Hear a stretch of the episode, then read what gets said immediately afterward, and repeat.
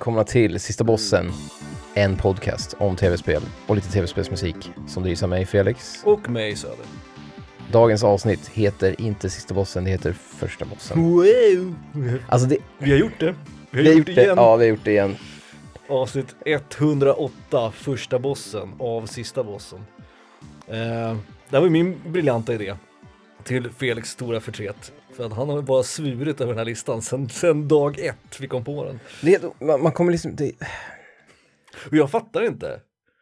Varför du har, för när, när vi gör... När ja, vi gör, om man inte vill nämna Mega Man X hundra gånger, då, är den, då är inte den här så jävla lätt lista liksom. Nej, men å andra sidan, när vi brukar ha teman, eh, när vi bestämmer tema, så brukar det ofta vara att vi har samma liksom, eh, liksom experience. Mm. Att antingen så tycker vi båda, ja men den var skitlätt, ja den var skitlätt. Eller, fan vad svår den här listan var, ja det var den. Men den här gången, jag hade inga problem alls med den här listan. Medan du har som sagt svurit och gnällt och eh, liksom bara muttrat kring den här listan. Jag förstår inte, vad är problemet? Men det, det är också de, in, kan det inte bli enklare? Första bossen. ja, det låter, ja. Försök, hem, försök själv hemma i stugan om det är så jävla lätt. Det grejen är att det är också de avsnitten som är roligast för att när man faktiskt får gräva djupt i järnbanken eller alternativt googla som en svettig liten Mm. tvättbjörn liksom.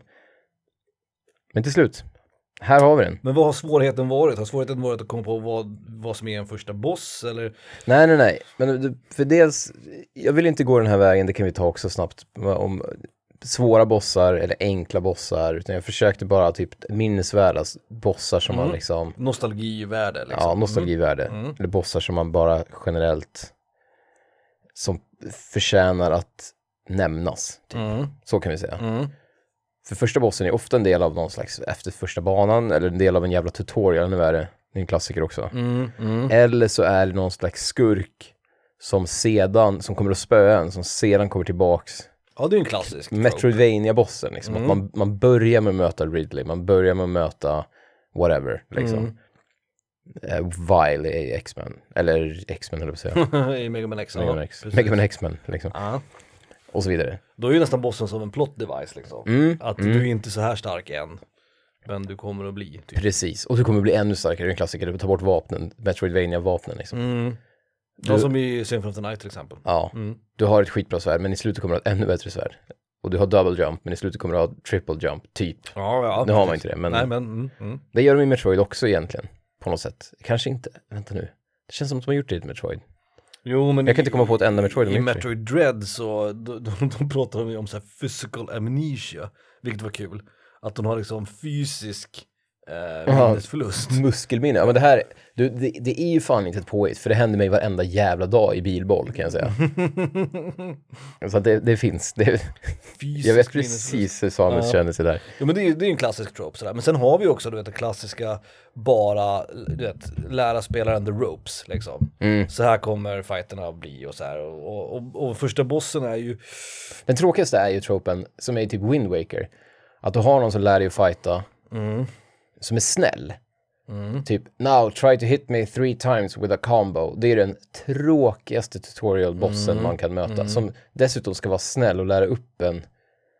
Ja, det blir, jag vet inte. det, Det, blir som en... stakes och det finns Nej, det blir så liksom. jävla Nej. ointressant. Man bara, ja nu ska du slå, nu ska du göra två hopp och sen slå. Man bara, fan, låt mig vara, fan kan jag få springa ut och bam som gadang, vad heter det? Ja, du vet vad jag menar. Ja. ja men vad fan, men någonstans kan jag också tycka att för, det, det, pratade vi också om när vi pratade om, Dodongos? om Dodongos? Dodongo ja. Ja, Dodongo. Dodongos. Dodongo. Ja. Ehm, vi pratade om det här med liksom, våran podcast heter ju Sista Bossen. Vi har aldrig haft temat Sista Bossen, men vi har haft bossar liksom. Och vi har pratat Jag tror om, tanken var när vi startade podcasten var att sista bossen, det temat ska vi spara till något stort avsnitt. Typ Ja. avsnitt 100 eller avsnitt 10 eller någonting. eller vårt sista avsnitt skulle det vara, Sista Bossen, sista avsnittet med Sista Bossen är Sista Bossen. Det, Ehm, och sen är det ju också inte en jävla rolig lista. Alltså sista bossen, det Nej. finns många bra sista bossar. nej, men exakt, det, det var det jag ville komma det, det är ju ett vanligt jävla stövelavsnitt egentligen. Liksom. Ja det är det ju, och, och det var det jag ville komma till lite grann, att, att den sista bossen i spelet är ju oftast, det borde ju vara i alla fall, om spelet har gjort det bra, så borde ju det vara den mest minnes, minnesvärda bossen. Mm. Eh, och förmodligen huvudantagonisten och allt det där liksom. Mm. Men första bossen, det kan jag ge dig i alla fall. Det var, ju, det var ju svårare att göra första bossen än vad det skulle vara att göra en sista bossen-lista. Sen är det också så här, vissa spel har ju väldigt bra första banor. Mm. Men det behöver inte betyda att första bossen just, alltså det är Nej. bossen på banan som är bra. Mm, utan mer game design. Och Och det, sen finns det också spel där, där bossar är bara är, jag tänker på typ Resident Evil och Sonic. Liksom det, jag gillar de två spelserierna jättemycket och det är skitbra plattformsspel. Och, och, ja, men vad är det för jävla boss? Liksom? och, och eh, survival horror-spel. jag kommer inte ens ihåg. Jo, Sonic 2, han åker runt med den där, det är borrbilen. Typ. Ja, och sen har ni en flygbil. Drill tank eller vad sen har den en, en vattenbil och sen har den en, alltså Ja. de är skittråkiga. Och Resident Evil har ju, det har vi också nämnt flera gånger i den här podden, men eh, de, de är inte kända för sina bossar liksom. Nej. Eh, och kontrollen och gameplayet i Resident Evil-spel är inte gjort för bossfighter. Eh, lite bättre i Resident Evil 7 och 8 tack vare FPS, men FPS är också bökigt att göra bossar i. Tycker jag. Jag tänkte på det nu på, apropå ingenting, på GDQ nu eh, för några veckor sedan så körde de ju eh, Typing of the Dead. Mm. Som kan vara det mest smarta, roliga spelet. Mm. De har tagit, eh, vad heter det, det, det ja det skjuta spelet, Ehm, of the Dead. Det är, House of the Dead. House of the Dead. House of the Dead Mm. 2. Och så har de bara ersatt pistolerna med att man måste skriva ord. Tangentbordsträning. Exakt, och det är så jävla roligt. Dels för att det finns så sjukt mycket olika fraser och ord som kommer upp. Så att det är så jävla random vad som står. Och sen att de har tagit hela spelet och bara gjort om det, moddat det och gjort det bättre. Mm. Och idag är det liksom ett mer populärt spel i stort sett. Mm. Och det är också kul att de har ersatt då karaktärsmodellerna med, istället för två coola killar med pistoler, så är det två coola killar med ett hängsle som det sitter fast ett tangentbord framför, liksom framför slipsen typ. Mm.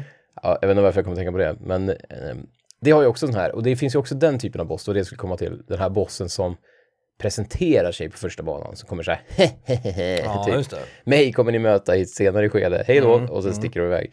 Och det räknas ju inte heller riktigt. Nej, för det är ju ingen bossfight. Ofta då att de typ trollar fram någon annan boss, eller Ja, du vet, precis. slänger ner några liksom moops som man ska spöa liksom. Mm.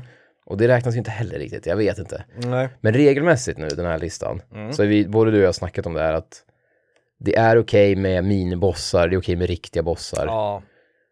Skulle du ha med Mega Man X, då är det okej att du har med eh, flygskeppet, Vile, Ja. och det skulle vara okej att du har med Chill Penguin tycker jag. ja. Förstår du vad jag menar? För att ja, det blir som, precis.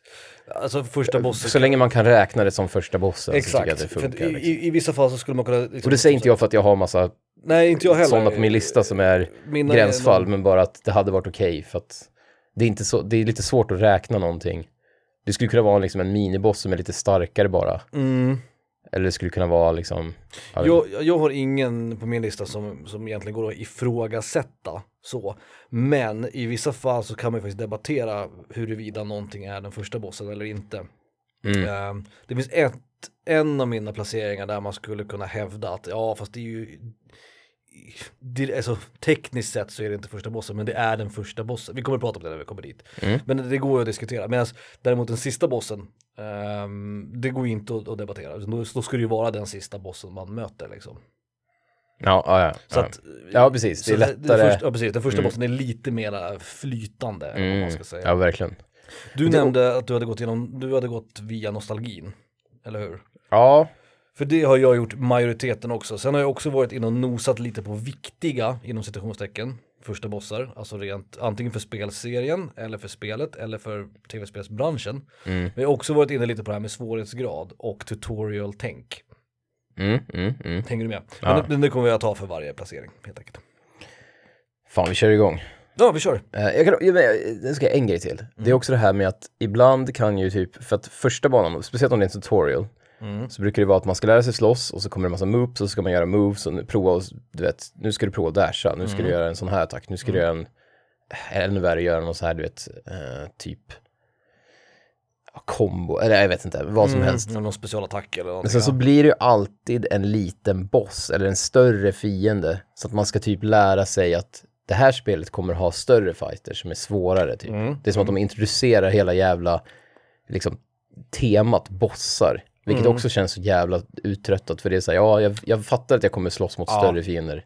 Jag är en snubbe med sju gevär och ett svärd på ryggen. Ja, det är exakt. klart jag kommer slåss mot en boss någon gång. Jag har Liksom. spelat tv-spel i i 33 år snart. Det, är- det är lugnt liksom. det är många spel som fortfarande har det så här att först ska man slå en massa moops och sen ska man du vet, lära sig att save-rum och så här funkar eller du vet, Mm. hela sig eller någonting och sen så kommer en stor fiende och sen är tutorialen slut. Mm. Och det är också så här, ska man räkna det då till en boss eller ska man räkna det till, ja jag vet inte. Men vi kör igång. Ja. Första bossen för mig är en riktig boss och det är en känd boss och det är Snigen från Final Fantasy 6.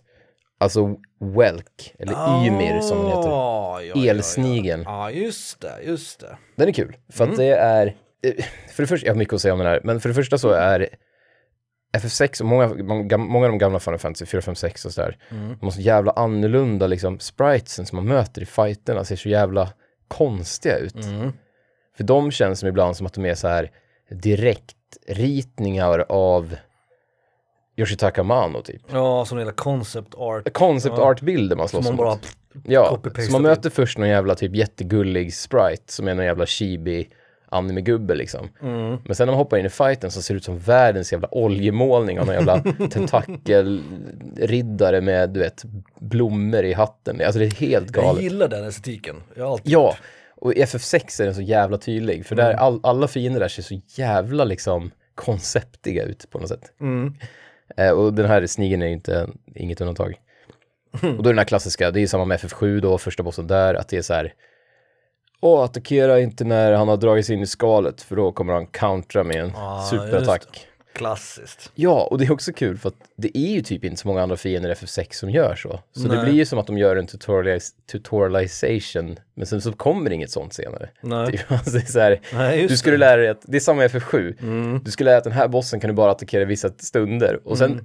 De 150 andra bossarna i FF7, då är det inte alls så. Nej, exakt. Då ska man bara röja på Det är liksom. som att de ångrade sig. Ja, Liksom, så, Och att de var med i både i sexan och sjuan. Ja, jag valde mellan de två, men det blev Snigen i sexan, som är min tionde plats. Nice. Den heter alltså Welk eller Ymir. Eh, spoiler alert.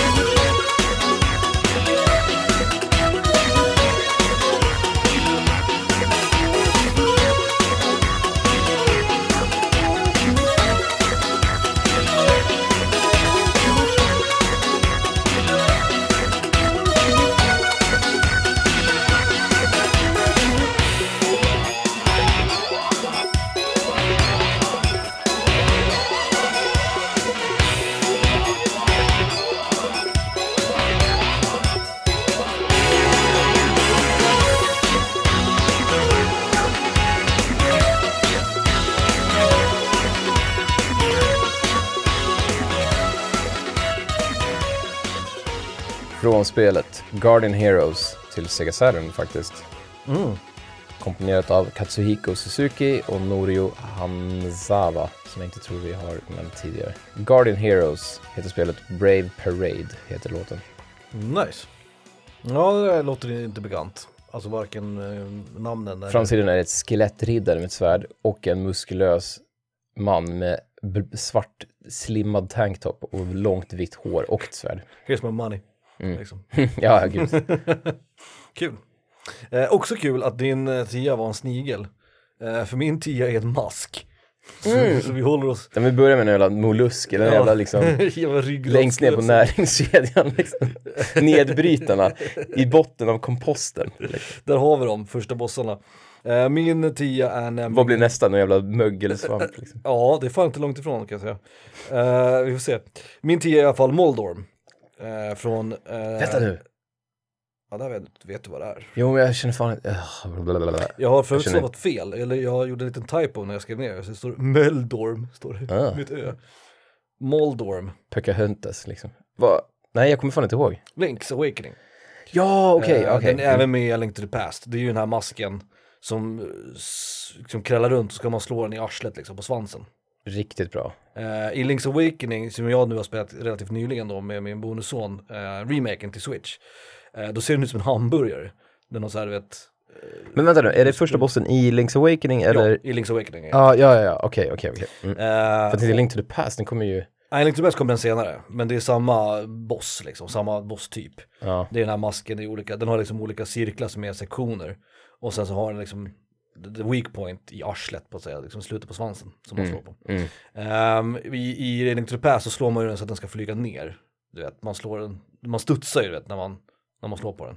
ja just Ja. det. Mm, mm. Eh, men i Link's Awakening är det första bossen då. Och som sagt i remaken så, så det kan ni googla på, den ser ut som en hamburgare, det är väldigt kul. Eh, det hade Frej väldigt roligt åt, alltså min bonusson, uh, att den ser ut som en hamburgare, det ser ut som det är sallad. Det är så grönt runt och så är det där ljusbruna, nästan sesame bun-aktiga, när man ser den ovanifrån. Ja, just det. Mm. Men kul så här koncept och framförallt nu när jag spelade Link's Awakening, eh, jag känner ju igen bossen och det är ju någonstans en klassisk Zelda-boss liksom. Ja, det är det. Det är, det. det Eh, är också en mardröm för speedrunners, för den är ju helt random och den kan putta ner någon. Och Ja, i förlorar... the Past ja. Jag vet inte om, det är, om den är helt random i, i Link's Awakening. Det kan jag Jo, svara på. jo, men det, jo, jag tänkte på Link's Awakening. Ja, okej. Men ja, jag vet, ja, precis, det är ju samma tema så att säga. Men Ja, Mm. och det här är så här action RPG classic. För om man tänker på det i ett action RPG. Det är inte superlätt att göra bossar, så här 2D-bossar på det sättet som blir intressanta. Eh, Nej. spoiler alert, till exempel så har jag ingen boss med från, eh, jag, jag tänkte på första bossen i Alundra. Som är den här jävla blobben, the gelatinoid eller vad den heter. Men det är just det. att man ställer sig på Det vänstersidan. väldigt klassisk första boss, en stor blob. Ja, och om man ställer sig på vänstersidan och slår på den och så blinkar den så den får invincibility frames. Så går man runt på andra sidan så slår man den där liksom. Samba i Minish Cap faktiskt, då är det en sån blob som är, Ah, okej. du vet de här gröna som är elaren i Link's, Link to the Past. Ja. Eftersom man blir liten så är det en sån som ramlar ner genom taket, men då är den ju skitstor. Och det är första bossen i Minish Cap. Ja, jag fattar, jag fattar. Eh, men Link's Awakening lyckades faktiskt med alla bossarna tycker jag. Jag tycker alla bossarna var, det var någon som var lite så här, ja ja. Men några var, de flesta var väldigt, väldigt kul. Och ofta så är det också kopplat till det itemet man får och har fått innan och sådär. Ja, ja, ja. Sånt är ju snyggt liksom. Men som första boss betraktad, en riktigt klassisk liksom Zelda-boss. Och liksom sista bossens eh, vana trogen så är det ofta liksom Zelda på tionde plats. För det känns som att det ska vara med, men vi är ganska stora Zelda-fans och sådär. Men nu fick det vara med. Mm. Eh, Möldorm, som den heter då enligt mina anteckningar, men den heter Moldorm. Och vi ska köra då från Link's Awakening-remaken Kul. ehm, Mm. till Switch. Och det är ju Koji Kondo såklart, alltså originallåten. Eh, men Ryu Nagamatsu heter kompositören som har gjort ehm, rearrangement av alla. Just det, Nagama- Nagamatsu är ju en av Koji Kondos eh, lärjungar, apostlar också. Precis. Och som Kenta Nagata som vi pratade om i förra avsnittet. Ja, exakt. Eh, och det här är en av de mest kända låtarna och det är ju liksom egentligen, det är ju Zelda-temat bara att det är en annan variant på med lite kastanjetter. Där är Total Heights.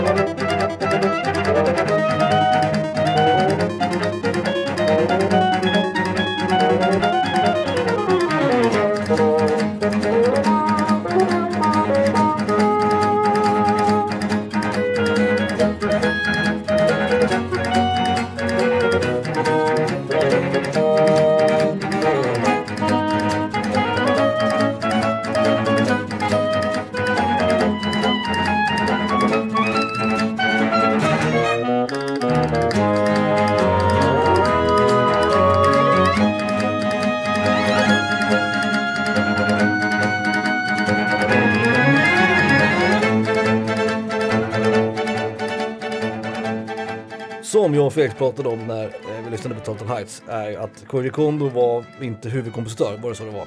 Till eh, originalet Link's Awakening.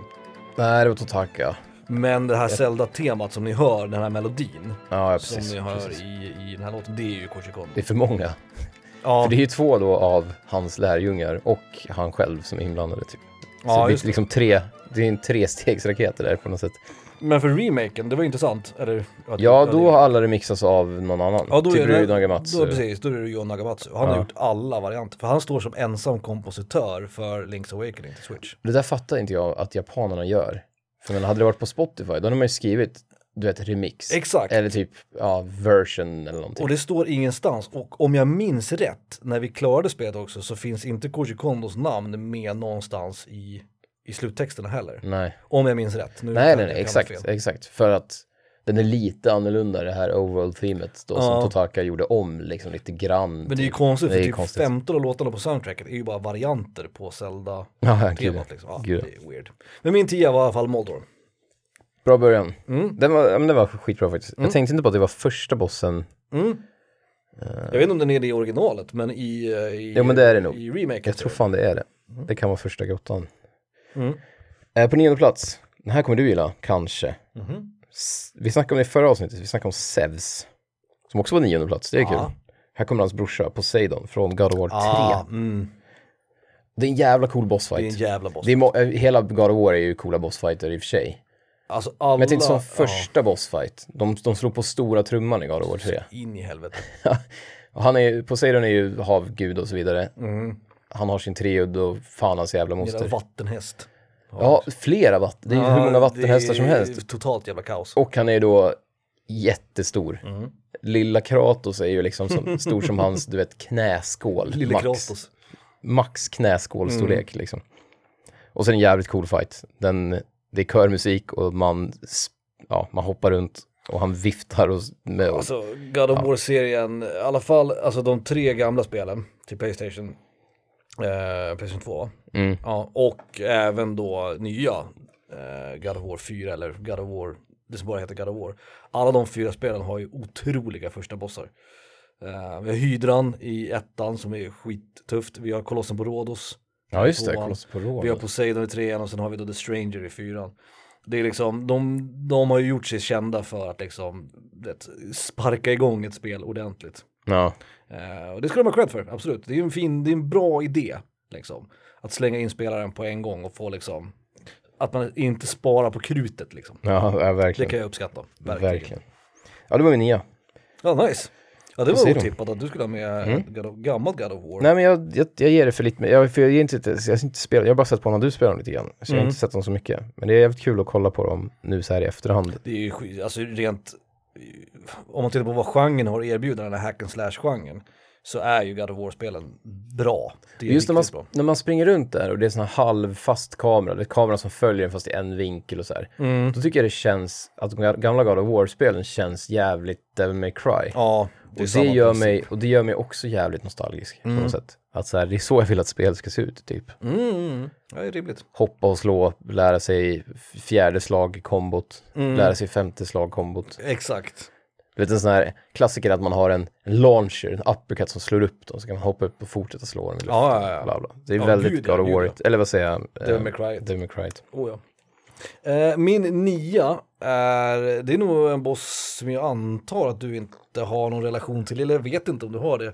Det finns, vet du vad en NUE är för något? N-U-E. Det låter som Lesser Key of Solomon-demonerna typ. Ja, det är typ det där. Det är den japanska motsvarigheten egentligen till en sån här Kimaira. Du vet, som, är en, som är en blandning av olika mytologiska, alltså, en- ett mytologiskt djur som är en blandning av olika djur. Ja. En nu är en japansk, den, har typ, den, har, den ska ha the face of a monkey, eh, the tail of a snake och lite andra grejer liksom. Och det är första bossen i Breath of Fire 3. Men det, är det någon, nu. det kan vara någon yokai, vad heter det? Du vet, japansk, eh, du vet de här, vad fan heter det yokai? Nej, vad fan heter det? Alla de här myst, kappar, de här mystiska Jo djuren. precis, det är så här folk, folklore-aktigt liksom. Mm, mm, mm, mm. Det är det nu. Och i, det roliga med Nue är att i Nio, spelet Nio, då möter man också en Nue. Vilket är roligt tycker jag, för att det är Nio och Nue. Eh, och, och att det är svårt att säga. Men i Breath of Fire 3 så är det den första bossen man möter är en Nue. Man möter den två gånger. Vänta nu, aphuvud, tigerkropp, svans, orm. Ja, precis. Det kan vara ett fjärde djur inblandat, men jag tror att det är de tre som är... För det som gör den här bossen i Breath of Fire 3 är ju spriten. Jag älskar den här fula apansiktet på en tigerkropp-spriten liksom. Den är helt fantastisk. Sen visade det sig också, det här är också ganska, det är sorgligt nästan på ett sätt eh, i början av Breath of Fire 3. Det är ju spoiler alert men det är ju fortfarande första bossen så ni får leva med det. Att eh, den nuen som attackerar är inte ond, den försöker försvara sina barn. Så det blir så, vet, det blir så jävla sorgligt sen när de, när de måste, när Jaha. kommer tillbaka skadad och då får man slåss mot den igen och så här. Eh, men det är ganska intressant för den, den bygger lite karaktärer för det blir lite roliga, roligt snack mellan huvudkaraktärerna i början. Eh, det är en rolig bossfight, inte supersvår men inte heller superlätt, ganska bra nivå på det. Den är snygg, just spriten också, jag älskar Breath of Fire 3 stilen. Ja, ja, Den här liksom klen, klena, nu är det klina, liksom fina spritesen. Och det är liksom en boss som bara har fastnat i mitt huvud. Det var faktiskt en av de första jag tänkte på eh, när vi pratade om första bossar. Att den ska få vara med. Nuen från Ja. Breath of Fire 3. Ja, ja. Det Så det är min plats nummer nio. Jag kommer, nej, jag kommer fan inte ihåg hur den ser ut, men eh, Nej, ni kan googla på det hemma. Googla på Nue Breath of Fire 3 så får ni se hur den ser ut. Jag älskar den lilla, lilla fula spriten. Nice. Fast fin. Mm, mm, mm. Ful men fin. Min åttonde plats. Är vi redan på åttan? Ja, Hur fan gick det här ihop? du körde din nia nyss. Ja, Jag är jo, först. jo, jag är medveten om hur man räknar. Ja. Jag är inte medveten om hur, Först kommer tio. hur sen snabba vi är. nio. Nice, ja. Tänk eh, 1969. Månlandningen. Ja. Uppskjutningen tänkte jag mest på. 10, 9 och sen kommer 8. Jaha, ja, ja, ja, ja, jag är med, jag är med. Mm. Ignition, Jag 3, 2, 1. Eh, åttonde plats. Vizen. Från Acer's Wrath, som inte du eller jag har spelat. Men fan vad alla känner till den här jävla Mm. bossen. Det är en internetklassiker. Mhm. Acer's Wrath, cool kille, eller Acera, han är jävligt cool. Han Mm. spöar folk som helvete. Det gör han. Capcom va? Han är Dante och vad heter han? Han i Street Fighter som är demonskurk. Akuma. Han är typ Akuma Ja. blandat med Dante liksom. Mm, mm. Och den här vysen då är ju, han är större än, han är ungefär lika stor som planeten, jorden då liksom. Mm. Så han trycker ner sitt finger, tummen och ska liksom mosa honom. Mm. Men det gillar inte Acer, så han, det slu- bossfighten då slutar med att han bara gör en uppercut Mm. på tummen så att han bara, så att han sprängs. Uppercut på Och de tummen får, liksom. det de får till jävligt bra, det är det här liksom hur, hur stort det är. För hans tumme kommer ner, det är ju som en stor liksom komet. Det så här svartlägger hela, liksom, hela kontinenten liksom. Och så, ja, och så slår han upp honom och så bara, och så blir det en sån här ljusexplosion. Alla, du vet, dö, dödsstjärnan sprängs. Mm. Ja, och det är så jävla snyggt och det är så jävla roligt. Och jag gillar att det är, det är första bossen. Så det säger verkligen att den här killen, han kan spöa någon som är stor som en planet. Mm. Och det gör han på första timmen, under första timmen av spelet liksom. Jag har ju varit så jävla sugen på att spela det här, för det är ju Capcom och Ja, det det finns, verkar det finns. Street Fighter-referenser och sånt. Och det är så galet, galet spel bara. Det verkar så jävla roligt. Men det jag har hört är att det är ju typ bara, hela spelet är ju bara en jävla quick time event. Mm, Att det är mm, typ mm, det mm. är, det är quick time event the game. Och den här bossen kan jag säga. Ja, och det är synd. För att just Men det liksom, var där mitten på 20-talet. Eh, 2004 typ. Det var ju ett quick time event Ja, bonanza det var det. den Resident. Evil 4 ja. och liksom Mm. eh, God of War också för den delen var ju jävligt mycket på, inne på quick time events. Det är på något sätt så roligt att, för det som händer med quick time events, att när man förlorar dem så får man se om sekvensen. Mm. Och det är så jävla konstigt val av spelutvecklare. Mm. För att det sista man vill att sin liksom, publik ska uppleva är att få spö av en boss och sen behöva se, speciellt när det är, för quicktime events är ofta story-element i en Ja. filmsnutt. Att behöva se en filmsnutt igen och igen och igen, det är ju det man vill undvika liksom. Mm. Exakt, det är ju som en unskippable cutscene liksom. Ja, Det är därför det är kul, har du sett ehm, det finns faktiskt en teori om att det blev så populärt för att de ville att man skulle se, att det skulle vara som en grej att man ska se cutscenesen. Att, speciellt, jag kommer ihåg, det, det snacket var, det var jävligt mycket snack om det på forum när det gällde Resident Evil 4. Att det Mm. skulle vara så här, undrar om de gör quicktime events bara för att vi inte ska kunna skippa alla cutscenes. Ja. Att man ska, alltid ska vara på helspänn och få, få liksom spelaren att då sitta klistrad och kolla och faktiskt lyssna vad de säger och så. Och det är ju en rimlig tanke, första gången För det finns ju alltid folk som bara start, start, start, trycker bort skiten direkt. Jo, men när du har spelat spelet tio gånger så då Ja, är man rätt trött på det. Men det var det jag menar, har du sett en speedrun av Resident Evil 4 någon gång? Ja, gud ja. Eh, och du ser nu speedrunarna så hur de kan den här dialogen mellan Jack och Leon utan till. Ja, ja, För de det går inte att skippa den liksom. Så att de kan varenda ord för att de har spelat spelet bokstavligen 10 000 gånger liksom. Eh, och det är ju kul på ett sätt, men det kan inte vara kul om man är speedrunner. Nej. Och behöva se den där skiten bara. Men det känns som att om jag var, om jag och du var game designers så skulle vi ju lägga in, för det är ofta så också att det är att de har missat på något sätt, det är mycket speedrun, att de har missat att göra just en det kan vara liksom en, det behöver inte vara en, en viktig scen, du vet när man träffar sista bossen eller någonting. Bara en, en, en scen mitt i spelet som inte går att skippa av någon anledning. Att de har typ glömt att programmera in att du kan trycka på start. Just, det är alltid en scen liksom. Och då är det alltid så roligt skämt att de speedrunners snackar om att just den här, va, varför vet vi inte, men just den här filmsnutten när hon tar upp den här liksom honungsburken från golvet och ställer på hyllan, den går inte att trycka bort. Men allt annat i spelet går att trycka bort. Liksom. Kul. Ja, det var min åtta. Nice. Vision från Acerus Wrath.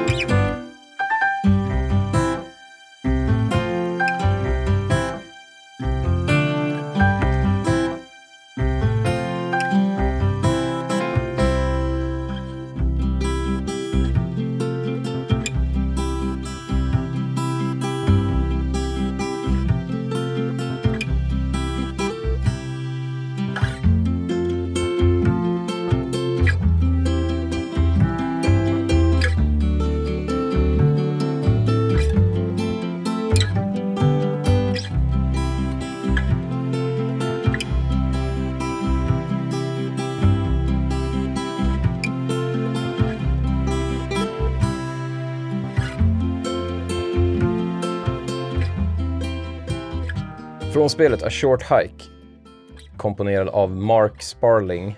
Låten heter Beach Buds. Det är en av låtarna när man går till en fin stad som ligger vid stranden. Okej, ja, fair enough.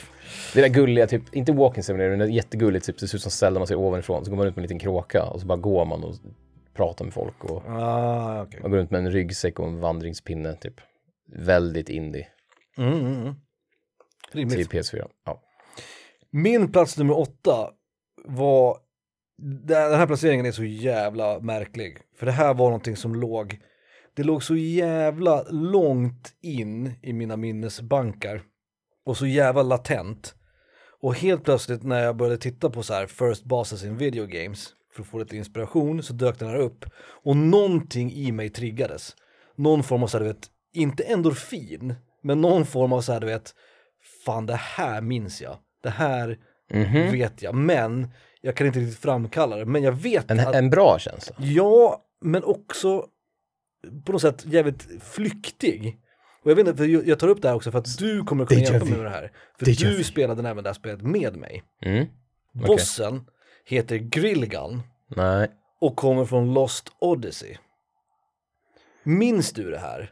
För tydligen, I förs- för jag kommer ihåg att spelet börjar med att man är på slagfält direkt och Ja, slåss, mot, och slåss mot massa arméer och så slår man en stor boss. och sen klättrar man upp i ett berg och på det här berget så möter man då spelets första boss som är en röd-svart drake som heter Grillgun. Nej. Och det, det här minns jag. ihåg. Jag minns draken och jag minns att vi spelade den och att det är den första bossen och sådär. Tydligen, vad jag inte visste var att den här bossen är en jävla internet-meme. För den är tydligen skitsvår. Alltså de har Mhm. verkligen gjort det så här, du vet, han har en attack som typ dödar partyt. Mm. Liksom. Har, I början har man så här, du vet, 300 HP. Och han har en attack som träffar alla i partyt och gör typ så här 250 damage. Ah. Så du får spendera liksom fyra turns och bara hela. Och tydligen så är AI gjord så att den targetar eh, han som kan kasta magier, som jag tror heter Seth i spelet va? Ja, just det. Just det. Eh, de targetar, han targetar honom med flit, därför att det enda han är svag mot är flare, och den attacken har den här magiken liksom. Ja. Men magiken har ju också minst HP. Så tydligen så är den här fighten skitsvår, men jag minns, jag minns, inte bossen, jag minns inte att vi pratade någonting om det, men jag minns att vi inte dog på den här bossen. Ja. Och att vi i sådana fall då är någon form av antingen God Gamers, Ja, rimligt, rimligt. Rimligt. Väldigt rimligt. eller om vi bara hade en jävla tur. Nej, tror jag inte alls. Utan det var, tror det var God Gamers. Förstnämnda. Men det, är kul att du säger det, det här med dö, för att spelet har ju den här mekanismen att man kan dö men man återupplivas. Ja, för man är en immortal va? Ja, exakt. Så det kanske var någonting med att man skulle lära sig det, att man skulle liksom dö för att lära fatta Ja. det. Sen hade den också den här, att typ, inte quicktime, men den här som FF8 har, att man ska trycka i takt när man attackerar för att det ska ta mer damage. Ja, precis, man kan tajma attackerna. Ja, det blir någon cirkel och liksom som snurrar ihop. Och jag tänker mig att det är så här, då ska man, vid det laget ska man ha lärt sig det så att ens attacker ska kunna liksom ta mer och så här. Och har man inte fattat det då får man köra om det några gånger tills Ja, man fattar tydligen det. så är det, det internet är fullt med folk som så här, du vet, inte har spelat spelet. I never got past the first boss. Liksom. och jag hade verkligen, jag, som sagt, jag, Ja, men det kändes, det kändes, spelet var bra som fan, men det kändes också ibland, stundtals, lite så här, ja men som att det hade lite balans-issues, eller som ja, att men det var svårt. ett sånt spel där man skulle kunna möta en boss och man bara, nej jag har ingen chans det, mot det, den. det var svårare Då än, grindade vi 50 timmar till då. än liksom. de klassiska Final Fantasy-spelen. Det här var ju Mistwalker Studios, det här var ju när Sakaguchi hade hoppat av då. Och det är musiken av Nobuo Uematsu och sådär. Mm. Och du och jag spelade för det var Xbox Exclusive, vi lånade en Xbox av någon, jag kommer inte ihåg vem. Min morbror. Ja. Så var det. Mm. Och så spelade vi det. Och det roliga är som sagt, jag minns inte bossen, jag minns inte vad vi gjorde, jag minns inte så, men jag minns att vi inte dog. Och, då, och när jag såg det här liksom, så kickade alla de här minnena igång igen. Och om inte annat så gjorde det här mig så jävla sugen på att spela det igen. ja, ja, wow. Ehm, ja. För jag, sen såg jag, jag kollade en YouTube-video då på bossen. Hur svårt kan det vara? liksom. Jo, det är nog jättesvårt. jag, jag vet inte. Men det vore ju nice om man kunde porta det till PS5 liksom. ja, ja, ja. Det, det, vore, det HD. vore jävligt kul. Ja. Så den fick vara med på min plats nummer åtta. Eh, Grillgan heter bossen, eh, tydligen ökänt svår. Och som sagt, som jag nämnde, Nobuo Uematsu gjorde ju musiken. Och det här soundtracket är jättebra. Och jag tänkte om jag skulle välja, du vet, någon av, det finns jättemånga coola fight-låtar och så här, du vet, dramatiska låtar. Men bara den första låten är så här superfin, jättelugn Nobuo-klassiker. Och låten heter bara Prologue.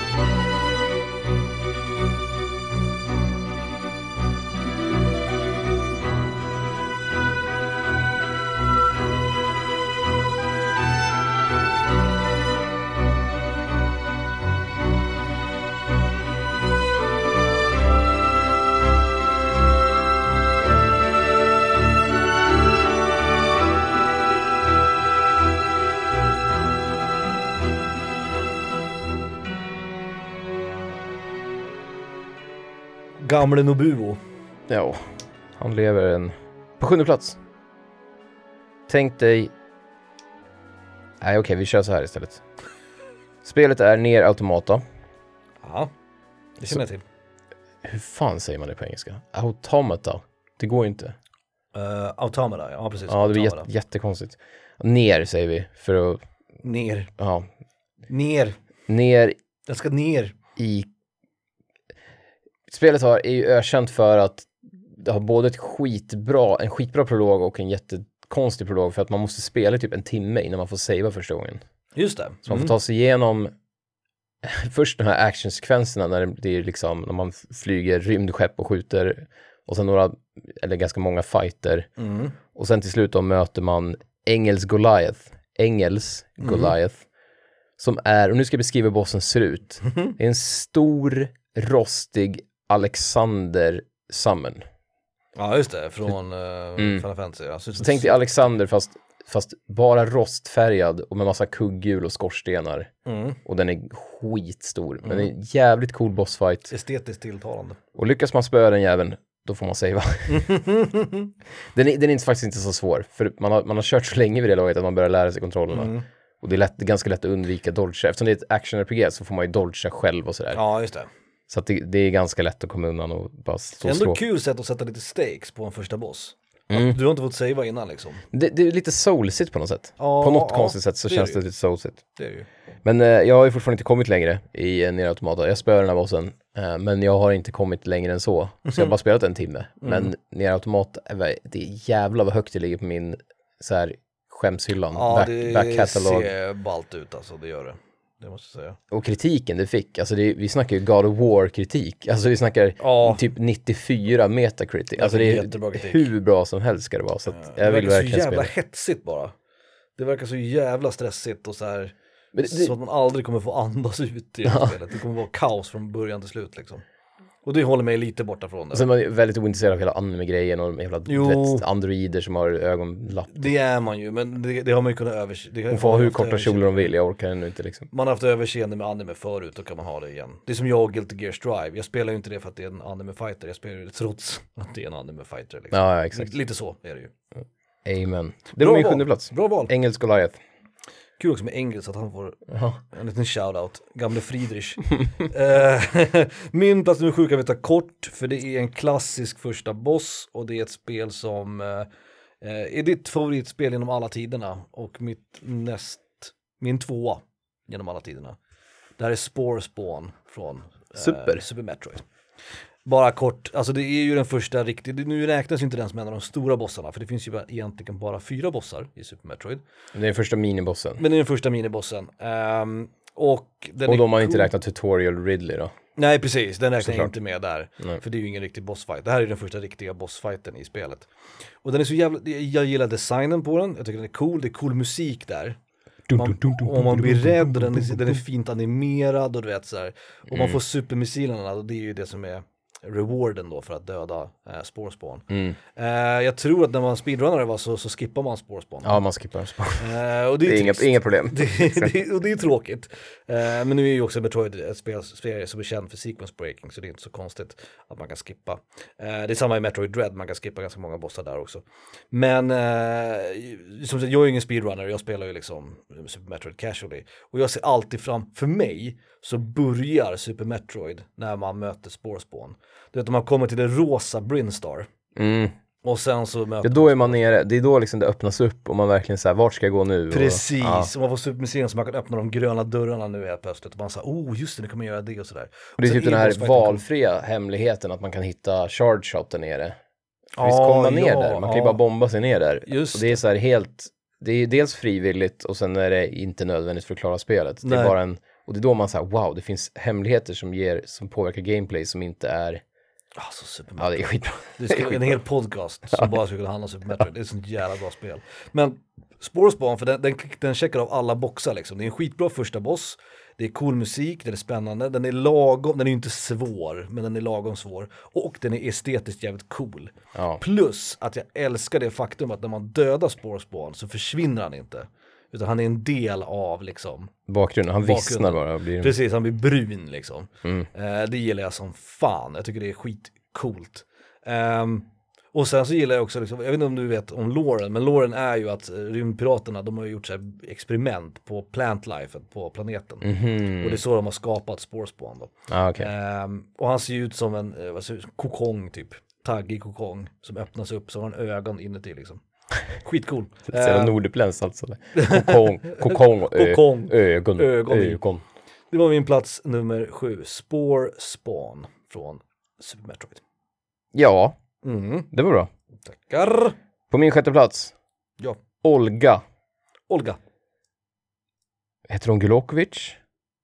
Ja, Jag tror hon heter Gulokovic. Ja. Metal Gear Solid 2, Sons of Liberty. Det är en bra första boss för att den är svår.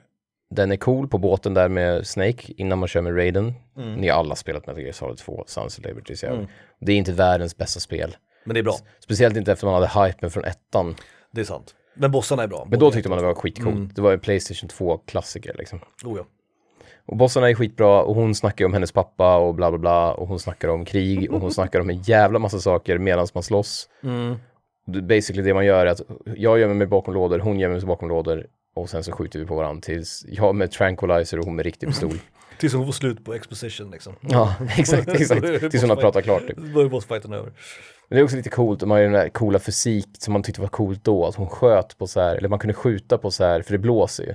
Mm. Man kunde skjuta på så här pressändningsgrejerna så de liksom blåste upp så här framför. Och så, Mm. och ja, så, jävligt ballt. Och jag kommer, jag kommer ihåg, det är en sån här som är mer personlig på min lista för att det är en av de här första bossar som jag minns just för att den, den är inte så speciell, jag tror inte den är med på någon lista på internet, men för mig kommer det alltid vara en så här cool första boss. Mm. Liksom att nu jävlar, nu spelar vi ett nytt Metal Gear.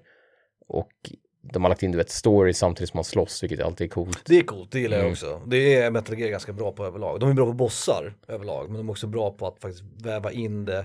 He- hela den här grejen, bossar som skriker till en från andra sidan bossrummet. Mm. Med en så här exposition och sin, sin backstory. Det är Metal Gear så jävla bra på, när liksom du vet, I was born on the battlefield. så här, och, så, och sen säger de någon sån här, du vet, typ, come out from where you're hiding och du vet, ja du vet, det är så Sånt gillar man jävla ju. bra. Ja, det är så, ja, bossarna. Det saknar jag lite i moderna spel. Att det alltid ska vara så här monster eller drakar och sånt där. Och det är ju kul i sig. Ja, men det bara kommer upp någon jävla grej liksom. Någon Man vill ju ha grej liksom. med vingar och taggar, taggiga tänder typ. Och det är ju så här, jag, jag vet inte, nu ska jag inte återigen, för det känns som att jag gör det varje jävla avsnitt, men jag, att jag bashar Dark Souls. Men Dark Souls Ja, är here we så. go. Och jag förstår ju att det finns en lore bakom de här bossarna. Och det är ballt. Och jag, Och den, är, den är inte prevalent, den är gömd under ytan. Exakt. Ja, ja. Jag, det vore mycket bättre om bossarna bara dök upp och bara, så här, och bara sa I've been cursed many years. exakt, Ja, exakt. gud. Ge mig lite liksom, det är Metal Gear jävligt. Kanske i överkant ibland, men Metal Gear är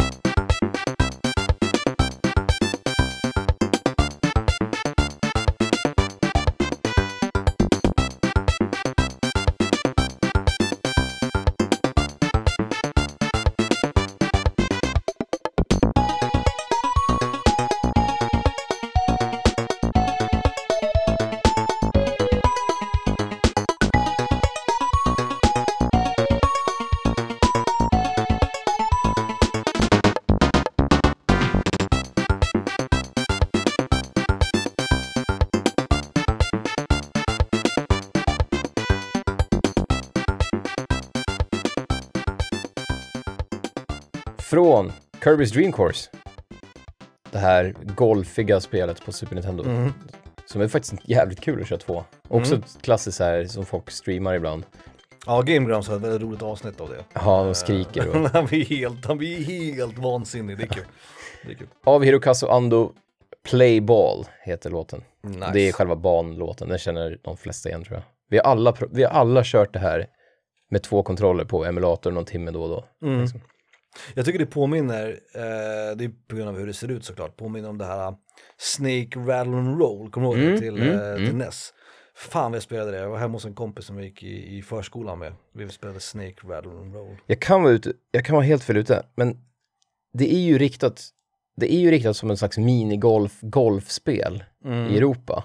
Mm. Men jag tror att i Japan, eftersom de älskar baseball, så är det liksom, det ser exakt likadant ut. Mm. De nämner aldrig, men de nämner aldrig liksom golf, Nej, utan de får istället till att det är baseball på något sätt. ja, fast det är hål och ja. Ja, jag, jag, jag vet inte. Ja. Eller så är det ett annat spel som har exakt samma soundtrack som aldrig släpptes här. Men det är samma soundtrack till det, det baseball Kirby-spelet liksom. Men jag kan tänka mig att det är typ som, för det är ju bara bollar egentligen. Ja, men Inte precis. golf. Men man puttar ju ner dem i hål och sen så räknar man på hur många slag man behöver för att få ner i Ja, hål. Så det precis. borde vara golf. Men ja. Det. För där heter det typ så här, du vet. Strike three, you're out. Ja, ja, ja. Kirby, baseline, ball, någonting. Ja, jag Det vet kanske inte. kan vara en annan version av det också. Ja, det kan vara ett helt annat spel. Men det är samma musik, vilket Hmm. är konstigt. Eh, min plats nummer sex, det kan vi också ta lite fort, för det är en boss som jag har pratat om i alla fall en del. Eh, jag tror aldrig att den har fått en egen eh, placering, men jag har nämnt den flera gånger. Jag tror att den var med i absolut första avsnittet, som hette Bossar. Jag tror att den var med då. Det här är Mantis Ant från eh, Secret of Mana, Just det. Mm. första bossen. Man ramlar ner där. Precis, man ramlar ner i ett hål, det blir en jordbävning, man ramlar ner i ett hål och sen så blir det bossfight bara rakt upp och ner. Och det är så mycket med det här, det är spriten såklart som är asball, han ser ut som någon form av uh, bönsyrsa. Eh, och det är hetsig musik, alltså bossfight-musiken. är säkert En röra tror du skulle säga. Ja. Ja, det är otroligt. Och det är, det är en ganska svår boss också, och man blir verkligen inkastad i det rakt upp och ner.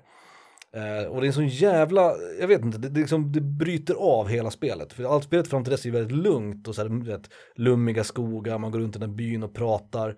Och så bara blir det kaos, man ramlar ner i det där jävla hålet. det är så jävla, det är så snyggt gjort på något sätt. Och jag minns det så jävla starkt från min barndom, att man liksom nästan var rädd för den här jävla liksom, bönsyrsemyran liksom. Ehm, Mm, ja, jag ja. vet inte, det är så jävla snyggt skött. Alltså första bossen ska fan, det ska fan vara någonting speciellt. Och det Ja. är det verkligen i Secret of Mana. Och jag minns ju såklart nästan hela spelet, jag minns nästan alla bossarna. Men jag tror att det är nog den som jag minns bäst och mest. Är Ja, just den första bossen. Um, otrolig, otrolig jävla kick-off på det, på det spelet. Ehm, det lyckades de till 100% med Squaresoft. Och jag har babblat om honom förut med Anticent. Uh, eh, googla gärna och titta gärna spela Secret of Mana för guds skull. Vilket jävla kanonspel det är.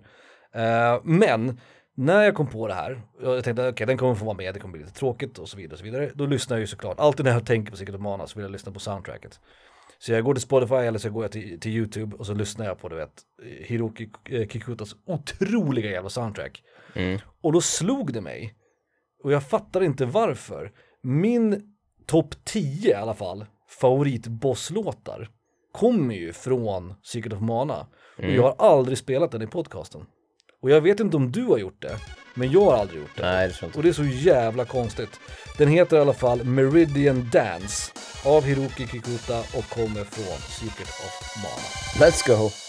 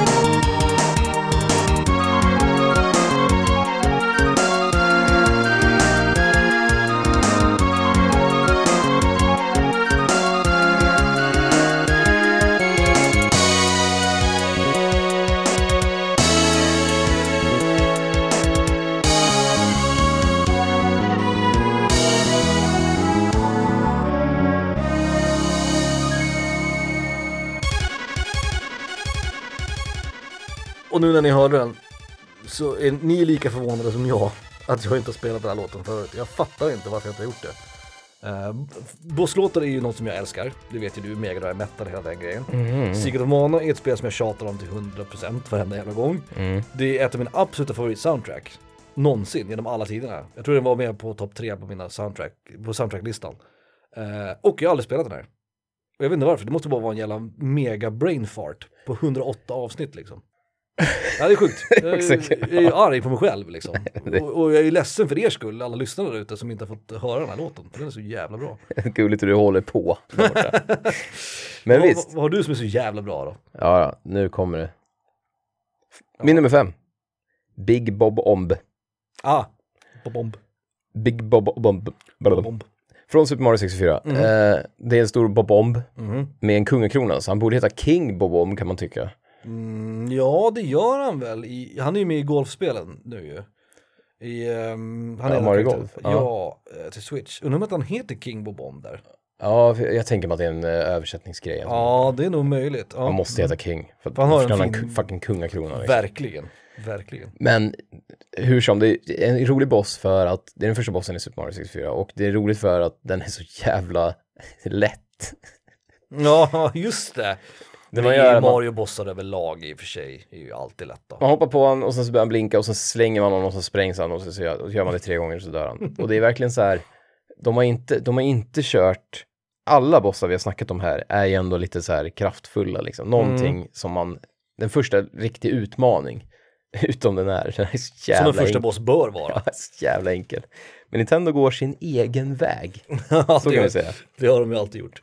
Ja, det var min femma, det finns inte mycket att säga. Ni vet hur en bob ser ut, det ser ut som en bomb med ben och ögon liksom. Mario-bossar är fan trista, är de inte det? Jo. Det måste man Visst. Hoppa på dem tre gånger sen är det över liksom. Jag gillar Bowser från eh, 64. Jag, det är, gillar den här pantaren i svansen och snurrar den Ja, åt det- det helvete jag och slänger den på bomber. Det är liksom en, det är en sån här liten snygg Det är coolt. Men resten är, ja, det är inte något att hänga i gran. Men den, har, den, den, sit, den sitter fast i minnet på något konstigt sätt. Eh, jag gillar den där jäveln. Och eh, Bob Bomb, liksom Bob Bomb Battlefield är en bra låt och Ja. ni vet. Det är ju typ temat i Mario 64 skulle man kunna säga. Jag gillar Bobombs överlag. Det är en av mina favoritfiender i, eh, Ja, för de, i Mario. de, de är med när man blir lite så här, "Huh, nej, när de ja, kommer för de, emot ja, för de den. kan ju sprängas liksom. Ja, precis. Jag Man blir inte det- rädd när det kommer en jävla Goomba glidandes liksom. Nej, nej, nej, nej, nej. Ja, min femma. Nice. Big Bob Bomb från Super Mario 64. Bra val. Tack, tack. Big Bobomb. Min femma, nu har jag sagt det här tre gånger i rad, men den här kan vi ta kort. Ja. Men den här måste vi ta lite kort. Ja. För att jag tror ett, att det är en crossover. Ja. Och två, jag pratade om honom förra avsnittet. Det är Dracula från Symphony of the Night. Ah, Dracula. Det är en cool grej de gjorde. Man börjar spelet inte som den karaktär man kommer spela med, eh, Alucard, man börjar spelet med Richter Belmont. Och så får man se då, eh, spela och se fighten då mot Dracula, så man möter liksom sista bossen först.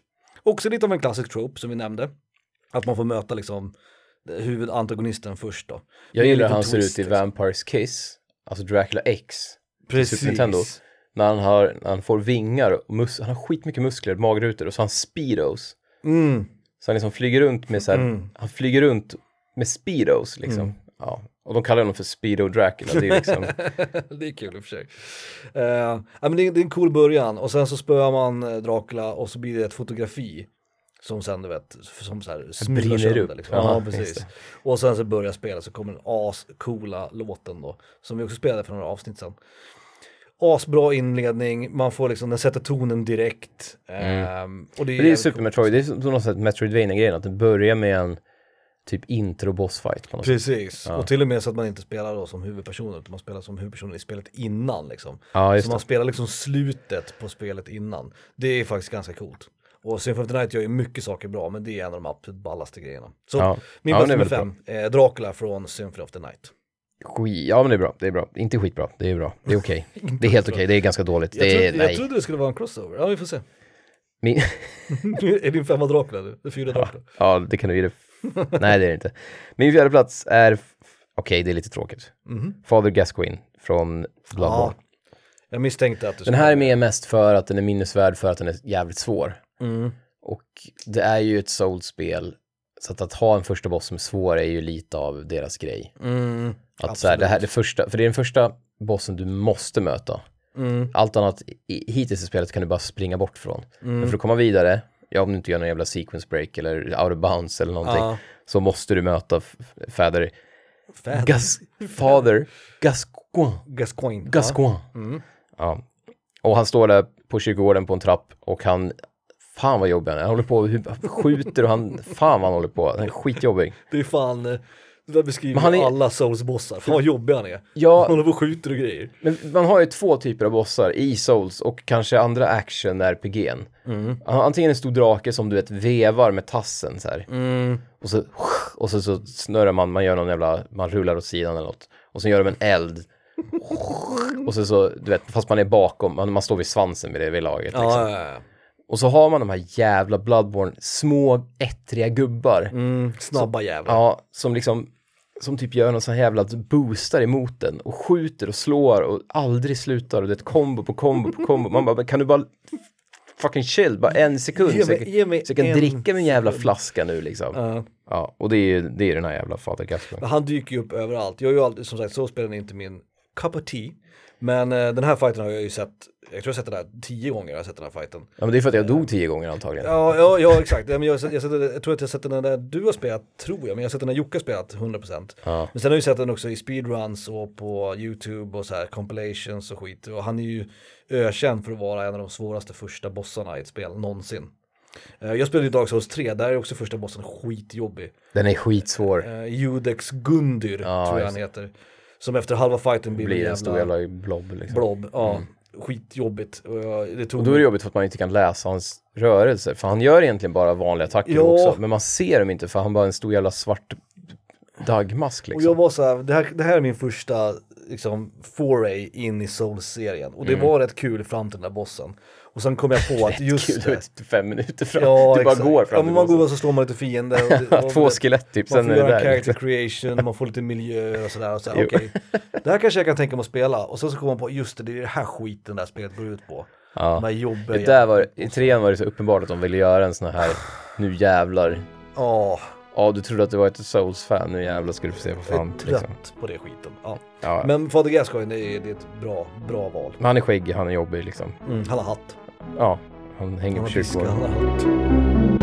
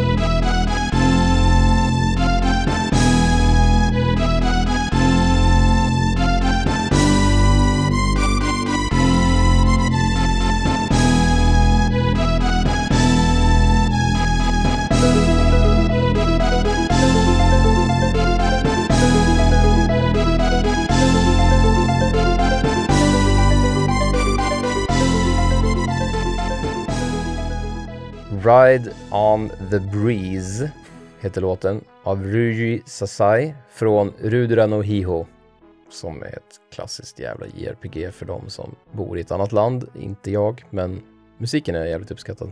Vad sa du? Vad sa du att spelet Rudra no Hiho. Hiho? Jag älskar Ja. få Felix att uttala japanska titlar. Ja, verkligen. Verkligen. Jag kan knappt uttala vanliga... Nej, bra låt, bra låt. Ditt, din jävla fyra då, tack. Min jävla fyra är eh, den enda placeringen, kanske förmodligen på någon av oss lista, som är li- ändå lite lite mm, ha, hova, hova, hova. Lady Dimitrescu från Resident Evil Ja, Village. Stora vampyr... Stora vampyrdonnan. Eh, hon vart ju också, apropå internet-memes, Ja, hon väldigt var- snabbt en internet-meme. Hon är alltså en... Eh, Hon startade hela den här Please sit on me-rörelsen. ja, exakt. De folk, folk i chatter på, på streamers bara började skriva snälla sätt dig på mig. Ja. Och det blev en grej typ. Hon är ju två och en halv meter lång. Jag trodde hon tog latent, hon tog ut den latenta så här typ Det är någon BDSM-grej, tror du inte Ja, det? och den här typ att folk gillar stor amazonkvinnor, kvinnor som är tre meter långa typ. Mm. Och jag tror att de här små kidsen satt och spelade det, helt plötsligt bara kom det fram hos någon snubbe. Mm. Och så bara var han tvungen att skriva i chatten, snälla sätt dig på mig. Liksom. Ja. Och hon är ju urtypen av den, som sagt två och en halv meter lång, eh, bred, stor hatt eh, och vampyr då såklart. Och nu, nu är det så här, ni som spelat Resident Evil Village, man kan hävda att hennes döttrar är de första bossarna, för hon har tre döttrar som man måste spöa innan man möter henne då. Eh, men Resident Evil 4 har ju det här upplägget som jag nämnt, det här Megaman-upplägget, Capcom troget, att det finns fyra bossar som du måste spöa då. Ja, det. Eh, Mm. Och det, de finns på till och med på sådana murals som man ser, du vet, först skulle du spöa den där, sen skulle du spöa den Det där. här är statyn i Super Metroid. Typ. Exakt, Ja, exakt, och det är kul. det är kul. Mm. Och det är lite synd att de frontloadar henne, för hon är den mest intressanta bossen, eh, karaktärsmässigt. Eh, den sista också, han som heter Heisenberg, Fabrik, eh, fabrikmannen. grävskopagubben. Precis, han är ganska intressant också. Eh, De två andra är riktiga throwaways tycker jag. Eh, Dockkvinnan och eh, Grodmannen. Grodmannen ja, just det. De är, ja. okej, de är roliga men inte mer så. Men hon är ju verkligen det här spelets säljpunkt. Och hennes bana, inom citationstecken, som är då Castle Dimitrescu, eh, Castle Dimitrescu eh, är, de mest, är det roligaste stället också. Så det är lite synd att de frontloadar det, men hon är ändå intressant på många sätt och vis. Hon har en karaktär, hon känns unik Och sen så tyvärr då som det alltid blir med Resident Evil så ballar ju bossfighten ur. Eh, som det alltid blir. Det blir ju... det Någon blir ett stort monster det, som, ja, och sen som blir det- attackerar ett klocktorn liksom. Ja, så blir det kaos och så får man springa och så får man slut på skott. Ni har spelat Resident Evil förut. Men hon gjorde ändå någonting för Resident Evil-serien, tyckte jag. Och Ja, men eh, intressant hon är också en bra karaktär En kvinnlig hon- karaktär också. Ja, ja, absolut. Absolut. Och hon blir ju också intressant för att hon, det, hon går runt och pratar med en och så blir det att man måste gömma sig och sen så, och så blir det den här du vet, come out, come out, kurragömma Ja, skiten. det, det är spännande. Det är det. Ja, precis. Och jag, lite som i, i Resident Evil 7 blir det ju. Då är det liksom också så i början när man Ja, eh, gömmer sig för pappan och sådär. och lite som eh, Mr X i, i Resident Evil 2, Nemesis i 3. Det är ju någonting som Resident Evil-serien verkligen gillar. Men Sen- hon har ju, internet har ju bevisat att hon, har ju, hon är så jävla populär. Ja, det är hon. Och folk vill cosplaya henne och folk köper stora hattar och ja. Rött läppstift. Det finns den här modden som gör att varje gång hon attackerar så blir hennes hatt eh, 25% större. så till slut, till slut är bilden bara en stor hatt liksom. Ah, det är kul. Det finns någon mod som de har gjort på PC-versionen liksom. Det finns en trope som jag är väldigt svag för, som hon personifierar. Och det är den här när man kommer in i ett rum och så måste de ducka för att komma in under liksom karmen.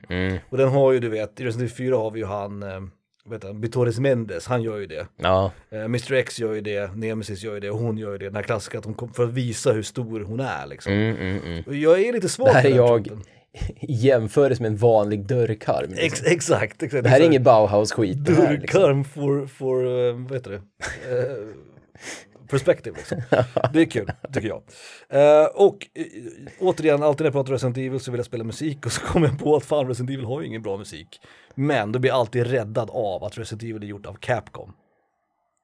Det älskar jag, det faktum. För då kan man spela låtar som den här.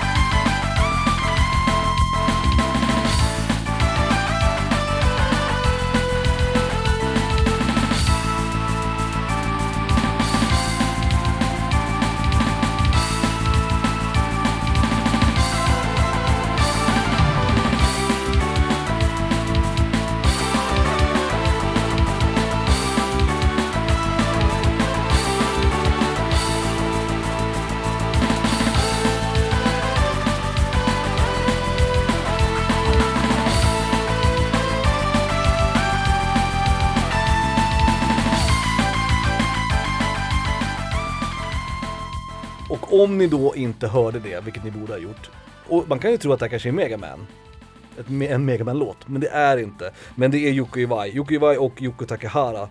Det här är från X-Men vs Street Fighter, det här är Juggernauts theme. Men det skulle lika gärna kunna vara, du vet, Mega Man X The Lost Tapes. Juggernaut Man, liksom. så, det är så jävla bra. Ösig, Capcomig, Megamanig och väldigt eh, fighting-spelig också på samma gång. Kul. Mm. Mm. Och fyra var min eh, Lady Dimitrescu, som sagt. På tredje plats.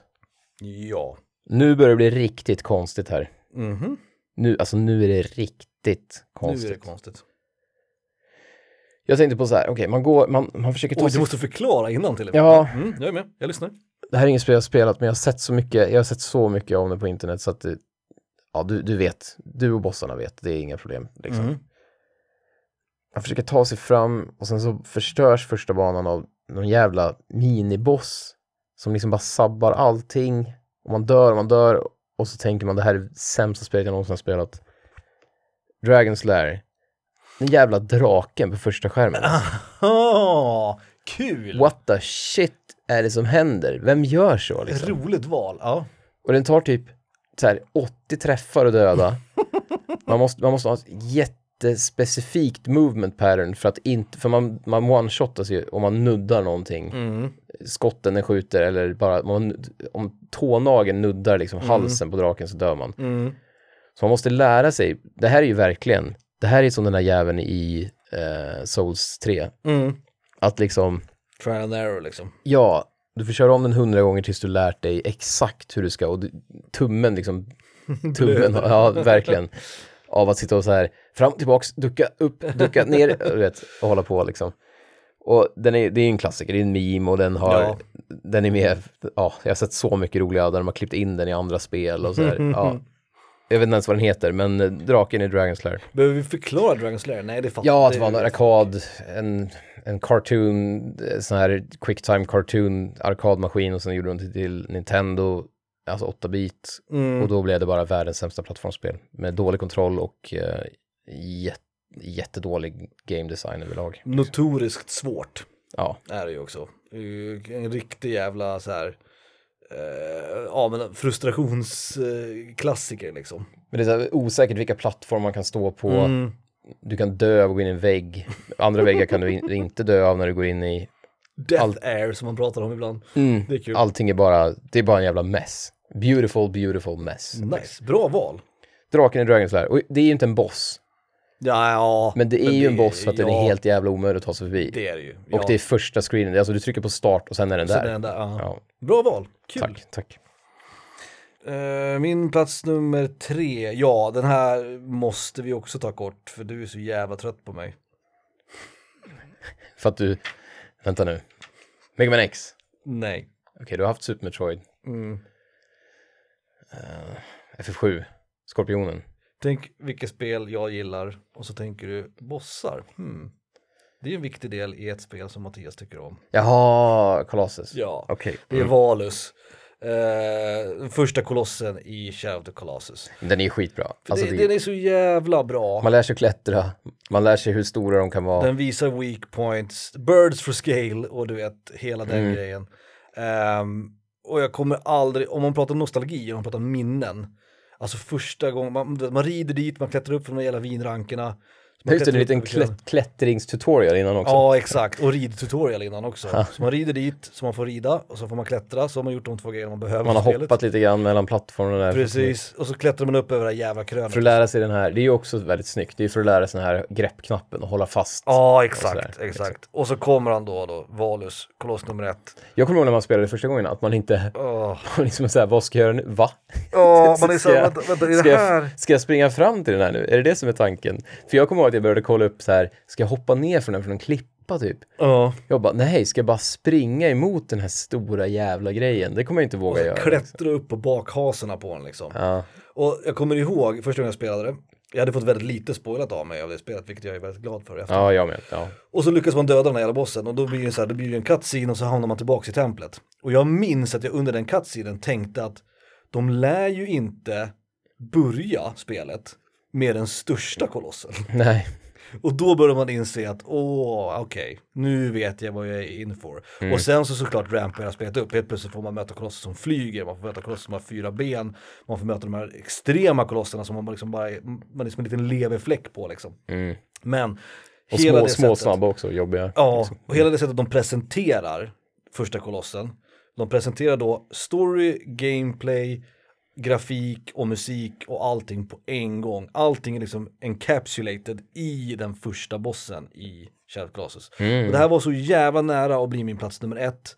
Eh, Men den halkade ner två placeringar, det kommer jag prata om när jag kommer dit. Eh, Men det är ju mitt favoritspel of all time och det är nog rent speltekniskt sett så är om inte den bästa så den näst bästa första bossen genom alla tider. Mm. Bra. Valus. Det är också, jag har inte med den på listan. Nej. Dels för att jag tänkte att du skulle ha med den, men så tänkte jag också att för att men den förtjänar definitivt, jag tycker den förtjänar en plats på listan. Men Ja. det är också det här att alla bossar där, det, eller många av bossarna, Mm. ge- ger någonting nytt. Det är Ja. det som gör spelet så bra, Ja, att det liksom introducerar nya sätt att tänka och nya element. Och du får grunden Så i att den, allt, den är liksom, inte, den, ja precis, precis, den introducerar i grunden, det här med hopp och klättra och hitta, liksom ett, hitta en way up typ. Mm. hitta en ingång liksom.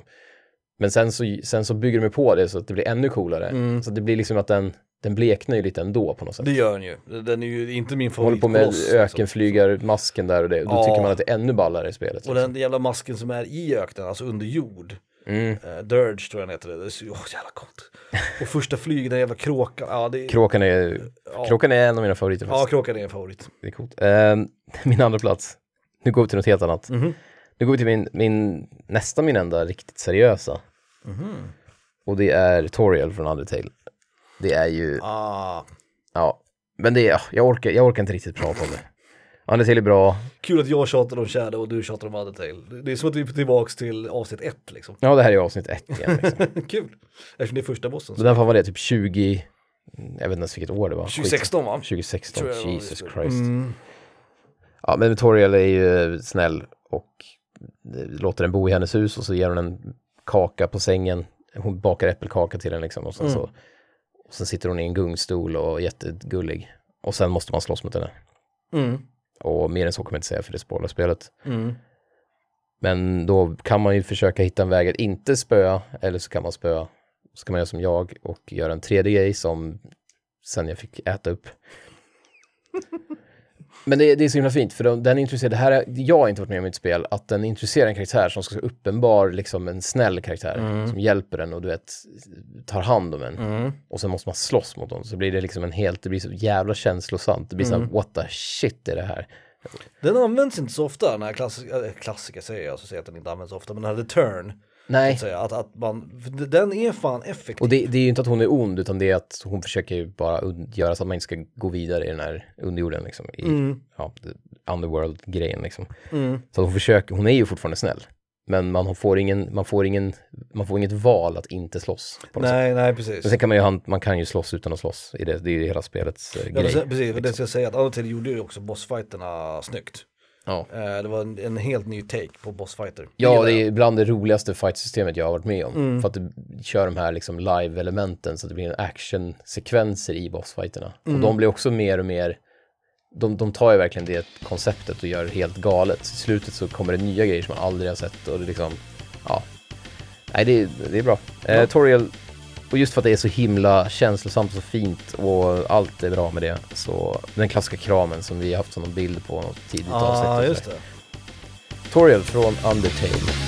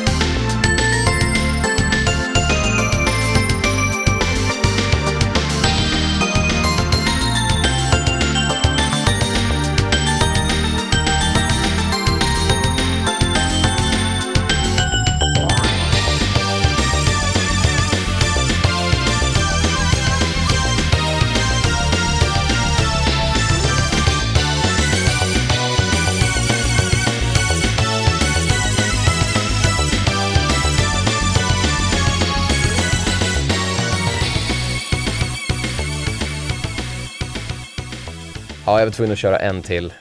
Från spelet Cyber Squad, artist, eller vad säger jag, inte art, jag tänker på artist.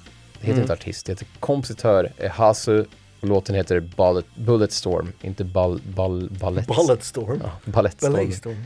Bulletstorm, Nice. från Cyber Squad, av Hasu. Om det är någonting i den här podcasten som du aldrig behöver be om ursäkt för, det är ju att du spelar musik från Cybersquad.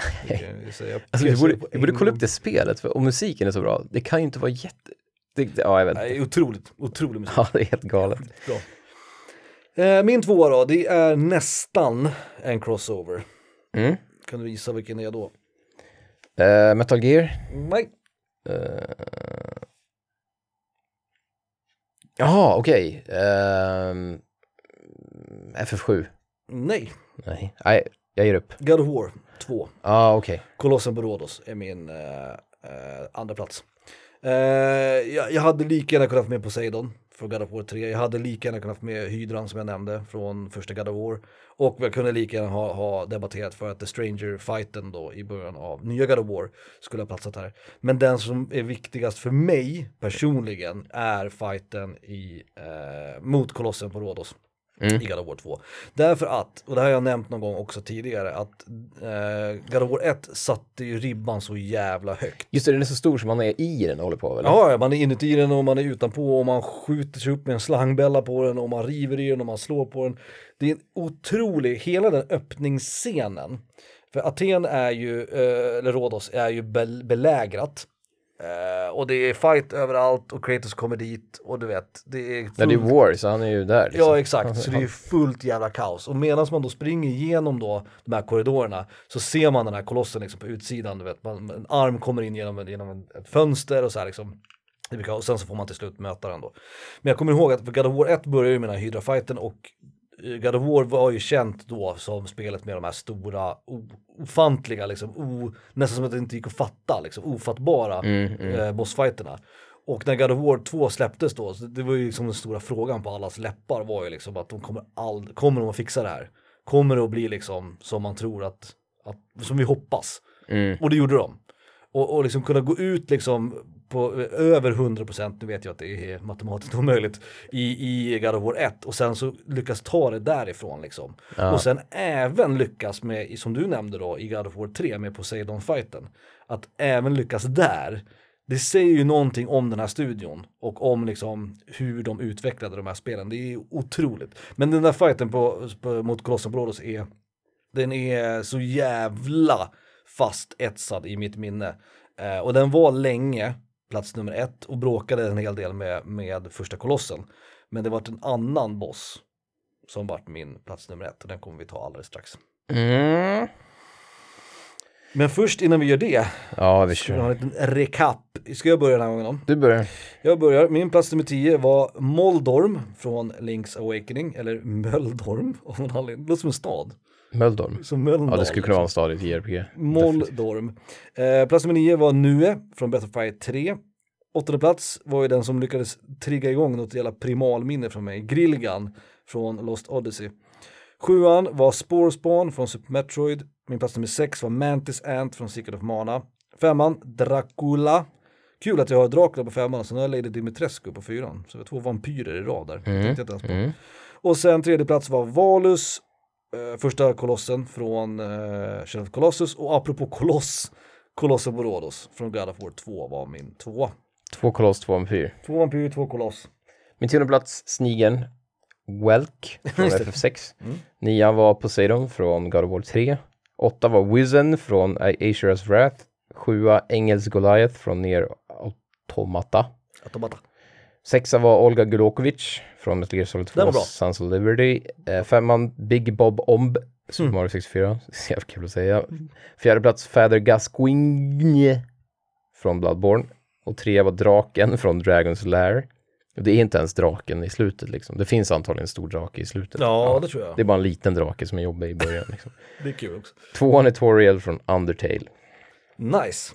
Inget snack. Då, vad fan kan din etta vara? Här måste jag fundera nästan lite grann. Ja, det är jag som börjar. Just det, det är jag som börjar. Jag, fick, jag satt och väntade på dig där. Vad fan Eh, kan du ha som nummer ett? den är inte så kul. Okej, kan du ge en hint? Du kommer inte gilla den. Du kommer inte tycka att den borde vara etta. Det är narrow, det, det does narrow it down Felix. Ehm, Du gnäller alltid. oh, gnäll Gnäller och gnäller och gnäller. på Dark Souls. Ja. Ah, Men det är Demon Souls, men ja, skitsamma. precis, det är den där jävla fläskiga Ja, det är en fläska. eh, som hoppar och sitter på det. Apropå, Precis. Apropå att sitta Ja, på precis. Men den, Please sit on me. Ja, men precis. Den är ju, det är liknande i, i Dark Souls, i, i tutorialen där. Mm. Men i Demon Souls så är man ju på första stället så är man på ett ställe som heter Forlorn Outpost, tror jag. Mm. Och så sp- spöar man sig riddare, folk med armborst och sköldar, som vanligt. Låter som soulspel. Ja, och så har man en hillebard eller något. Och så lär man sig hålla in skölden för att allt dödar en. Mm. Och sen så möter man den här bossen som man kan eller inte kan spöa. Om man inte spöar den, som jag verkligen inte gjorde första gången för jag fattade inte kontrollen. Nu skulle jag nog inte ha något problem, men då var det svårt.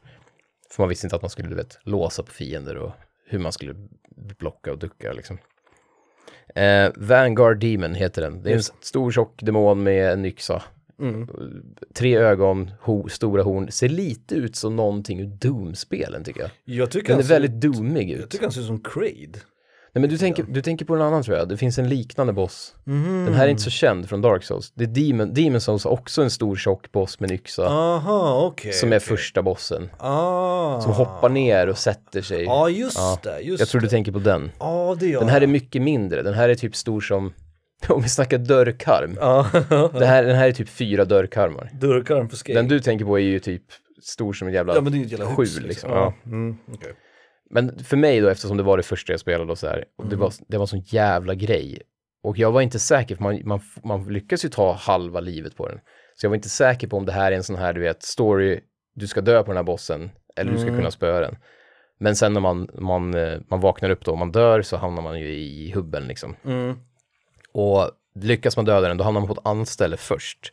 Och får ta Ah, lite okej. små skatter. Och Just så det. får man se den här stora draken som jag glömt vad han heter just nu, är liksom the old one. Mm. Och sen hamnar man i hubben. Just det, det har jag Så det läst. är enda skillnaden liksom. Ja.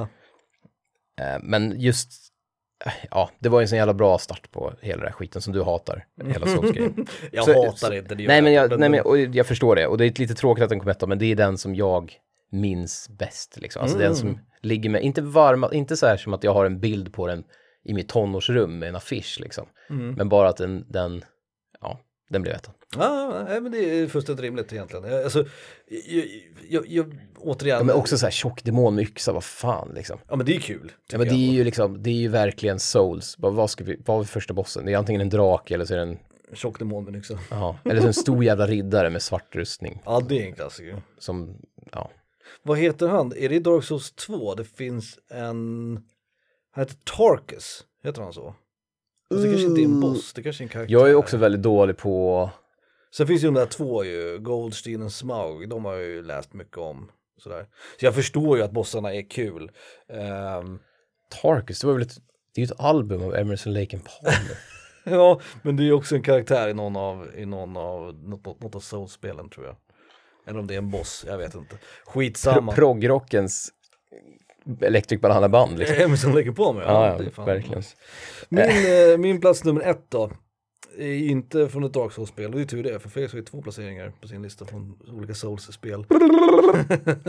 min plats nummer ett är Scorpion Sentinel från Final Fantasy 7, Konstpaus, Remake. Det är min plats nummer ett. Ja. Ja men du har babblat mycket om att bossarna är en Alltså, bra idé och nej, fight, eller fighterna generellt. När jag den här listan, alltså eh, Kolossen, någon av God of War-bossarna och Valus från Shadow Colossus, de dök ju upp direkt. Och de Mm. låg på plats nummer ett och två länge, länge, länge. Och så gick jag runt och funderade lite, jag tittade på lite grejer på nätet, jag började fundera på vilka spel jag spelat nyligen och sådär. Och då slog det mig att den enda anledningen till att jag ens gav FF7 Remake en chans var tack vare demot. Och demot på FF7 Remake är ju den fighten. Mm. Eh, Den berömda liksom första fighten mot den här skorpionroboten i Final Fantasy 7. Och FF7 Remake, det är verkligen så här, jag har hört kritik riktad mot den här bossen, att den är för svår, att den ger liksom, den ger inte spelaren tillräckligt mycket chans att liksom lära sig systemet innan de slänger en, en för svår bossfight på en. Mm. Och det håller jag med om till viss nivå. Men det är också någonting, om man har spelat FF7 så- och älskat FF7, vilket man gör om man är, om man är som du och jag, Om man är människa. om man är människa. Ja. Eh, Är det något FF7 inte har så är det ju liksom utmanande bossfighter. Nej exakt. Det är så här, Det är väl generellt för Final Fantasy generellt. ja eller generellt för, JRPG generellt. nästan generellt skulle jag Ja. säga, inte har så mycket svåra bossfighter. Men här liksom Så takeawayen in- är att för, för jag är inte alls intresserad av remaken, jag kommer spela det. För det var gratis. Mm. Ja, det nu har jag det på min det, jävla det PS5. är värt att spela, det är det, 100%. Jo, men min takeaway är då att musiken är bra eftersom det bara är remixer av den bra musiken från ja, början. ja. Och, och att bossfighten är bra.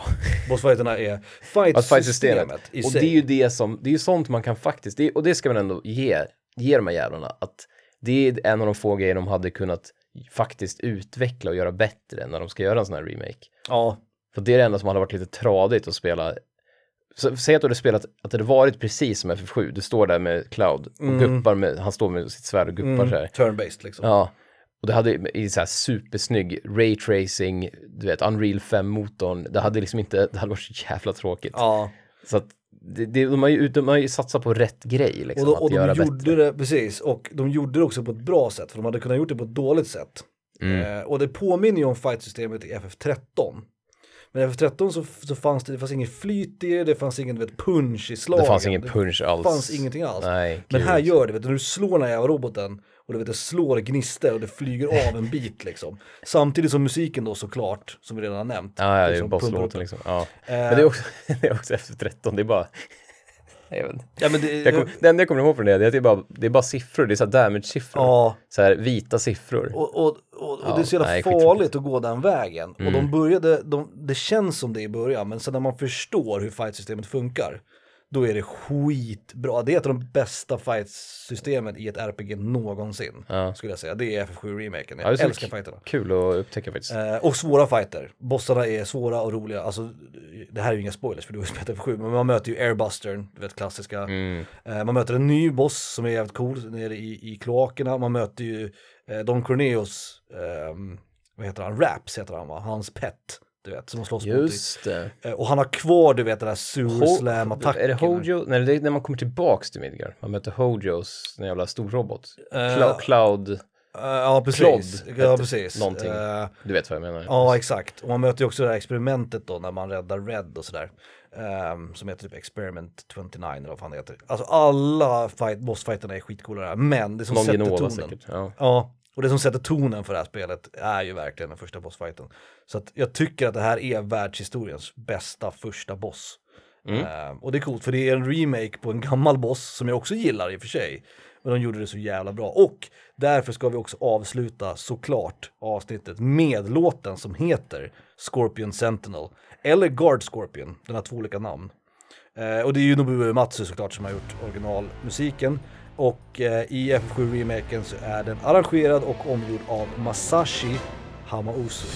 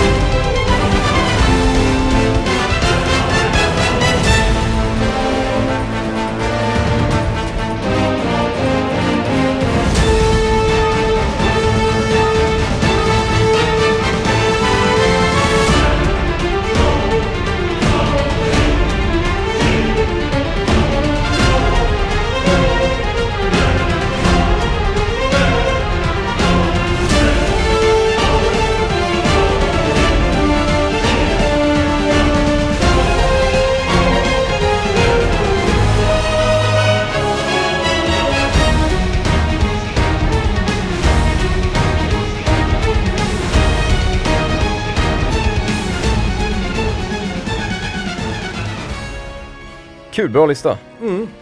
Bra avslut också kände jag och få lyssna på lite Nobuo igen. Ja, det var bra. Han är ju nämnd som sagt. Nice. Jag tänkte på det i förra avsnittet som vi spelade in när vi pratade om föräldrar. Då nämnde ju jag, jag spelade ju Flame Mammoth av Yoko Iwai. Jag vet inte om du kommer ihåg det. Jo. Eh, och då sa jag ju att Yoko Iwai, honom ska vi prata om eh, lite längre fram. Men det var ju på den här listan jag menade. Aha. Det var ju här jag tänkte att jag skulle spela Yoko Iwai-låt. Så jag körde ju Juggernauts theme från, från eh, X-Men vs Street Fighter. Ja, just det. Just det. Eh, så det var därifrån den kom. Bra! Vi har ingenting emot er. Nej, det tror jag, nej. Eller? Nej. Jag tror faktiskt inte det. Jag tror faktiskt inte det. Jag tror faktiskt inte det. Ingenting alls. Nästa avsnitt, då har vi kört mycket stövel. Nej, Det kanske Ja. något, vi kör kanske något konstigt nästa avsnitt. Vi får se. Det känns som det. Det har varit mycket, och det har varit mycket på F. Vem vet? Inte jag. Fint, fult, föräldrar, första bossen. Ja, det kanske blir något på F då. Ja, det Vi kör, vi kör en lista på F nästa Det gör vi. också. Som Felix sa, ingenting, inget stort i alla fall emot er. Absolut inte. Puss! Puss! Hej! Hej då! Hej då! Vi får se.